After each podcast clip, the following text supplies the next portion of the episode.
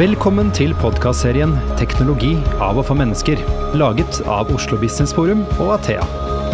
Vi har reist Norge rundt for å løfte frem de fremste eksemplene på digitalisering. Hvordan fikk de det til, og hva kan vi lære av dem? Velkommen til podkasten 'Teknologi av og for mennesker'. Mitt navn er Christian Brostad. I, også denne gangen har vi flyttet oss ut av uh, podkaststudio, og i dag befinner vi oss på vakre Alnes fyr, som ligger i fiskeværet Alnes på Godøya. Og vi er altså på Sunnmøre i Møre og Romsdal. Uh, I denne episoden skal vi snakke om uh, bruk av teknologi i sjømatnæringen, og hvordan virksomheter i denne delen av landet samarbeider på tvers av bransjer, rett og slett for å bli bedre. Eh, og vi har med oss noen eh, flotte gjester eh, på dette flotte stedet. Det er Peder Stette, som er teknisk sjef i Optimar. Og så har vi Kine Beril Norheim, som er daglig leder i nettverket Next Digital her på Sunnmøre. Velkommen. Takk. aller først, da, må, jeg er helt utslått holdt jeg på å si, av, av vakre omgivelsene. Dette er jo helt vanvittig. Vi har vært oppe i fyrtårnet. Det var bratt, Kine? Det var ganske bratt. Så vi sklei ned igjen etter å ha vært uh, på toppen der. Uh, uh, det er jo sånn at sjømatindustrien har jo enorm attention disse dager. og blir jo stadig mer automatisert. Og teknologi bare velter inn i næringen. Eh, og mange sier jo at teknologi skal bli eh, litt redningen for næringen da, når det kommer til fiskevelferd og, og, og industriens eh, omdømme. Eh, hvis vi starter litt med deg, Peder. Eh, hvis du skal prøve å beskrive eh, liksom de utfordringene som denne næringen står overfor, hva ville du si da? Ja, det kan jo være på flere nivåer. Og jeg tror ikke det er helt likt eh, fra marked til marked og innenfor fiskeslagene osv. Men hvis du deler det opp i villfangst og i oppdrett, eh, så er det to store bolker da, som har hver sine utfordringer eh, i det store bildet, som går på eh, det som går på bærekraft. Eh, og Der er det jo spesielt villfisknæringa som må greie å dokumentere bærekraft. Eh, at det de har reproduksjon og kan høste fra en art som er eh, naturlig bærekraftig. Så på oppdrettssida er det jo veldig mye snakk om fiskevelferd. Og folk ønsker jo å eh, spise mat eh, som kommer fra dyr som har hatt det godt. Men det er jo i stort sett i den industrialiserte verden, og kommer du andre plasser, så er det ingen som er opptatt av det. Så litt forskjellig fra marked til marked, men for oss her i Norge så handler det om bærekraft og fiskevelferd i stor grad. Eh, og teknologi eh, kan jo da bidra her for å øke fiskevelferden, bl.a. Det, er, det er ingen tvil i. Ja. På hvilken måte eh, kan det skje? Eller skjer? For det skjer jo noe allerede i dag. Ja. Eh, på fiskevelferd så handler det jo om biologi. Og fiskevelferd det kommer jo fra dyrevelferdslova, som er forvalta av Mattilsynet. Og de sier at fisk skal behandles som andre dyr i naturen. Og det er jo på, spesielt inn mot uh, oppdrett. Og uh, der er det jo utvikla mye utstyr over tid. Og siste kanskje fem til ti åra så er fiskevelferden kommet mye mer i fokus. Og da blir håndteringa av fisken mye eh, mer fokusert på. Fra Mattilsynet, og også fra produsenter av utstyr og de som driver med oppdrett. Og alt handler jo om lønnsomhet. For fiskevelferd er lønnsomhet. Mindre dødelighet, fisken har det bedre, får en bedre kvalitet. Eh, og etikken i det er, er bedre. Mm. Kine, hva tenker du om eh, teknologi i denne næringen? Jeg tenker jo det er alltid det jeg sitter og tenker på når jeg jobber med denne teknologien, er jo hvordan skal vi nytte teknologien sånn at vi faktisk klarer å tjene penger på det. For det hjelper, jo, det hjelper jo ikke, nå er vi på Sunnmøre, så vi er opptatt av det, men det tror jeg man er. sant? At det hjelper ikke å ha bare den teknologien hvis man ikke har tenkt gjennom hvordan man skal klare å hente ut en, enten en gevinst på det gjennom sparte kostnader eller økte inntekter. Det, teknologien alene den hjelper ikke oss hvis ikke vi setter den i et system i organisasjonene våre. Man ser jo, ser jo noen gode eksempel. da. Mm. Eh, på fiskevelferd så har vi et bedøvingssystem som vi bruker. Og Det er ikke veldig, veldig, viktig i alle land, fordi at de har forskjellig tilnærming og lov, lover og regler. Men det starta i Norge med fokus på dyrevelferd. Mm. så sprer det seg ut i verden. Nå er Costco, som er en stor matvarekjede, de setter krav til sine leverandører. Deres sine leverandører kommer til Norge for, fra Tyrkia, fra Asia, fra Canada og USA og spør etter det utstyret som vi utvikler for dyrevelferd, og kan da levere. Unikt utstyr. Så det er god økonomi for oss å være med på denne her fiskevelferdsseilasen.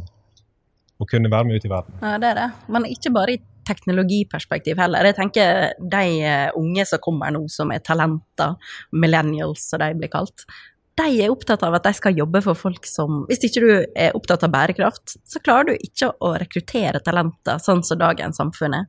Se på alle de flinke. De er opptatt av å snakke om dyrevelferd, eller om det er bærekraft, eller Det er mange ting, men det må være fokus på bærekraft for at det skal være interessant å jobbe for noen. Eh, så det er jo veldig sånn inngripende i mange retninger, denne teknologien som vi snakker om. mm, ja. Eh, vi har jo eh, reist litt land og stand rundt og snakket med masse virksomheter. og Et sånn tilbakevendende eh, problem, hvis jeg kan bruke den beskrivelsen, er jo data. Datafangst. Det å få systematisere dataene, anvende dataene. Hvordan er det, Peder, i denne næringen? Det er som i veldig mange andre næringer, at det blir produsert enorme mengder med data. Både ifra eh, komponenter og datasystem som, som produserer i vilden sky. Men strukturen på det, det er ofte manglende. Og ting henger ikke sammen. Så det å kunne sette ting i kontekst eh, med hva ting, altså hva dataen betyr, det er helt avgjørende for å kunne bruke dem til noe. Og Der sliter nok mange da med å, å, å forstå hva enda en skal gripe an. Så eh, vi, eh, vi har jo sett enkelte som eh, begynner bare å samle data, laster det opp i den berømte skya, og så skal håndtere det derifra. Men så oppdager de fort det at ja vel, bruker ikke tida si på virkelig å finne verdifulle ting, men bruker tida si på å rydde i dem, i disse her dataene, for det henger ikke sammen. Så der er det en stor jobb å gjøre, og det holder vi også på med. Mm. Har du noen råd til, til andre virksomheter, eller hvor langt har dere kommet i dette arbeidet? Vi starta for uh, to år siden med å prøve å finne ut hvilken ende vi skulle gripe fatt i. Og oss, uh, det var å reise ut og, og, spørre hva er det folk sliter med. Være med på konferanser, lære mer om teknologi, sette seg ned og lese. Uh, så starta vi jobben med å finne ut hvor er det vi kan skape verdi. Og det var nettopp, nettopp rundt den datafangsten, å kunne strukturere den. Og Der har vi en kjempefordel innenfor marin næring fordi vi har domenekunnskap. Vi kan noe om det. Og da vet vi hvor vi skal sette sammen dataene. Så det vi starta med, det var å utvikle en plattform som knytter alt sammen i, i et nettverk. Slik at det alt kan settes i sammenheng med hverandre, og kan tagge alt slik at det henger sammen. Det er det dere kaller optimal kommander? Det er Commander-plattformen. Ja, ja. mm. Så den enkleste versjonen av den, det er bare å koble alt sammen. Og det er første steg for alle. Hvis ikke dataene henger sammen, så har de heller ingen verdi. Og Da kan du starte å bygge verdi på den sammenhengen. Og Det er f.eks. å presentere data i ulike dashbord og KPI-er eh, mot ulike roller i en organisasjon. For en eh, serviceansvarlig, for et managementnivå, for en eh, selger, eller hva det nå skulle være. Og du kan ta det enda lenger med å begynne med maskinlæring inn mot ulike prosesser i en verdikjede.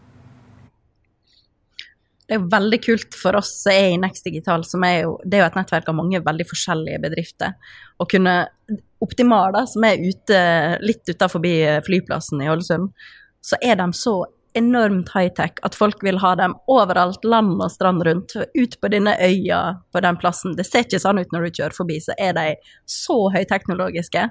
Og det er jo litt sånn som vårt nettverk jobber. Da får vi lov å ta med alle våre medlem ut på Optimar, og så kan vi se litt sånn Hva er det dere har gjort For det alle snakker om big data, eller hvis man er skikkelig avansert, stordata. For hvis vi snakker om det på norsk, da har vi tatt det ned, liksom.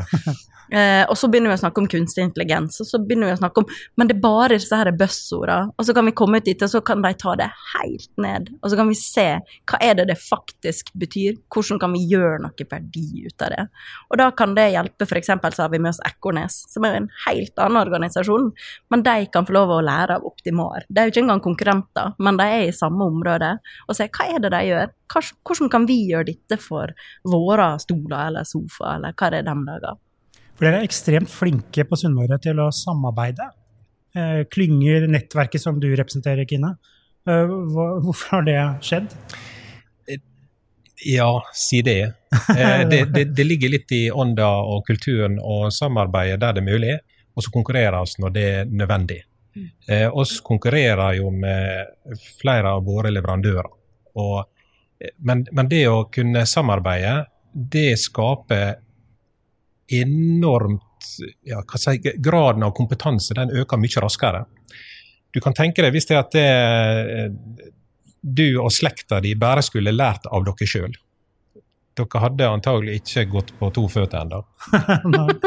Men som samfunn, hvis han har mulighet til å lære av, av et mye bredere spekter, så kan det gå mye raskere, og han kan finne ut mye smartere ting. Og Det er egentlig det det handler om. da det er å koble sammen flere haud på tvers av bransjer, og ja, både vertikalt og horisontalt.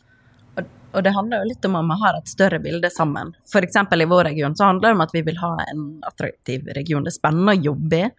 Og så er det en enorm flyt da, av folk sin kompetanse, så uansett så vil det mest sannsynlig lønne seg i et lengre perspektiv at vi bygger kunnskap for de ulike diverse bedriftene som er på Sunnmøre. Det kommer til å komme alle til gode uansett, og vi har eh, Altså, det er jo flyt fra, fra, alle de ulike bransjene. sant? Når oljeprisene raste, så sto jo en marin næring klar til å ta imot den kompetansen og de høykompetente folka som mista jobbene sine. Og det, eh, det, dukker jo opp eh, gründerselskaper og startups her også innenfor marin. Eh, Peder, kan ikke du fortelle litt om det? Ja, er, det, det er en ny giv innenfor dette her med startups og, og, og gründere. De blir løfta fram som helter nå, og det er de eh, som det er fokus på også i investormiljøet. Mm. Så, så, det å, å, starte nå med en god idé, så er det mye lettere å få oppmerksomhet enn det var tidligere. Og du er mye lettere for å knytte til deg kompetanse på et veldig høyt nivå veldig tidlig, som er utrolig nyttig. For det å starte opp, det er ikke bare bare.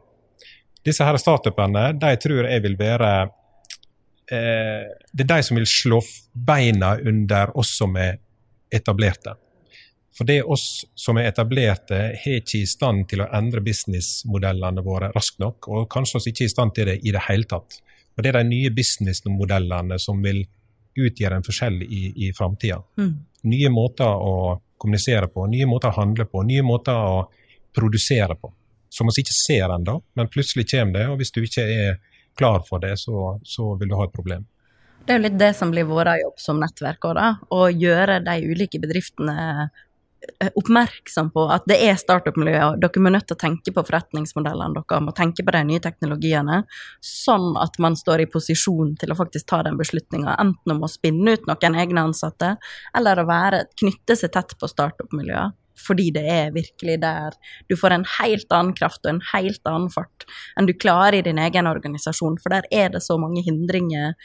Nesten uansett hvor fantastisk kultur man har, så skal det noe til å kopiere den oppstartsspiriten som er, da, med den risikoen som ligger implisitt i det. Vi må eh, avrunde etter hvert, men jeg tenker eh, helt sånn avslutningsvis om dere kunne liksom gå inn i glasskula og se hvor, hvor er sjømatnæringen om, eh, om, ti år? Jeg vet ikke hvem som vil starte. Et umulig spørsmål kanskje, men ja, vi prøver. Eh, sjømatnæringa om ti år eh, ti år? Eller var det eller 2050? År, du bare velger et år, du. ja, det var, eh, altså, eh, politisk så er det jo 2050. Det er jo et uh, tall som, uh, som er lagt noen målsettinger til. Uh, blant annet da at oppdrettsnæringa skal være oppe i 50, nei, 5 millioner tonn med laks. Det som, det, Da må det skje et eller annet nå. Eh, for det 5 millioner tonn det er veldig mye om ikke så veldig lenge. Og da er det rundt biologi.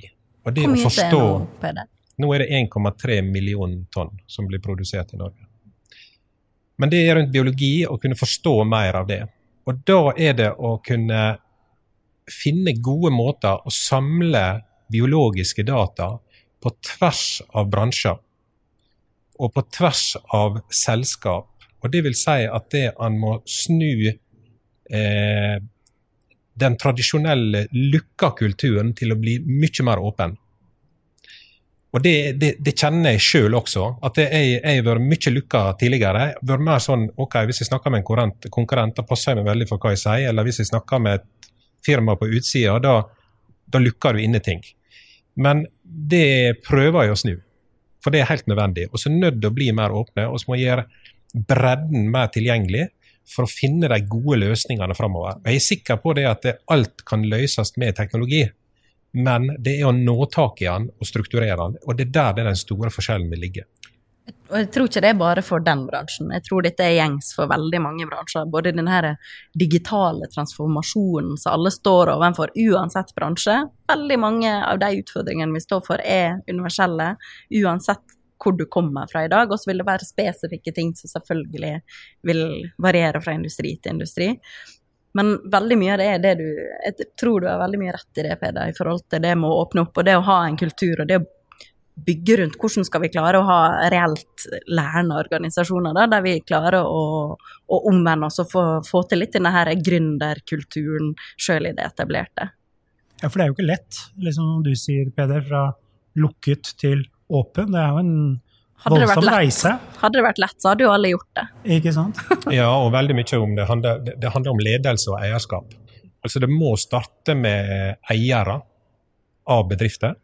Det må gå via, via styret, det må inn i ledelsen, og derifra og videre. Hvis du ikke har med deg de ledda, så tryner du. Så det må være fundamentert at det er sånn skal vi operere. Og det, det- det er veldig vanskelig å få til. Eh, så det må starte på en måte med de, de, de, de få som må bli mange. Det må være noen som går i spiss. altså. Jeg tenker at det er mange bedrifter som har kommet til Optimar og for det er jo ikke så vanlig å ha en teknisk sjef som sitter og sier disse tinga. Det er jo det vanlige vi så her ledelsesnerdene som sitter og marmer om. Og her sitter det en teknisk sjef og bare nailer det. Og det er jo der jeg tror utfordringa for veldig mange ligger, at der er dette, altså vi må close the gap mellom eh, ledelse og teknologi, da. Sånn at man faktisk forstår hverandre sine perspektiv. Både ledere må forstå mer av teknologien, og teknologene må bli mer som han Peder. Ja, Du må ikke misforstå nå, da. At, eh, eh, alt skal være helt åpent. Nei, nei, selvfølgelig ikke. Og så er fortsatt røde data og grønne data. Selvsagt. Men han, han, må, han må bli mer åpen. Ja. Det Mm. er ikke tvil i. Kine, Peder, tusen takk for at dere kunne være med eh, i disse vakre omgivelsene. Jeg skal definitivt tilbake til dette fyret, altså. Da skal vi ta det vel imot. Ja, veldig hyggelig. Og tusen takk til deg som lyttet på.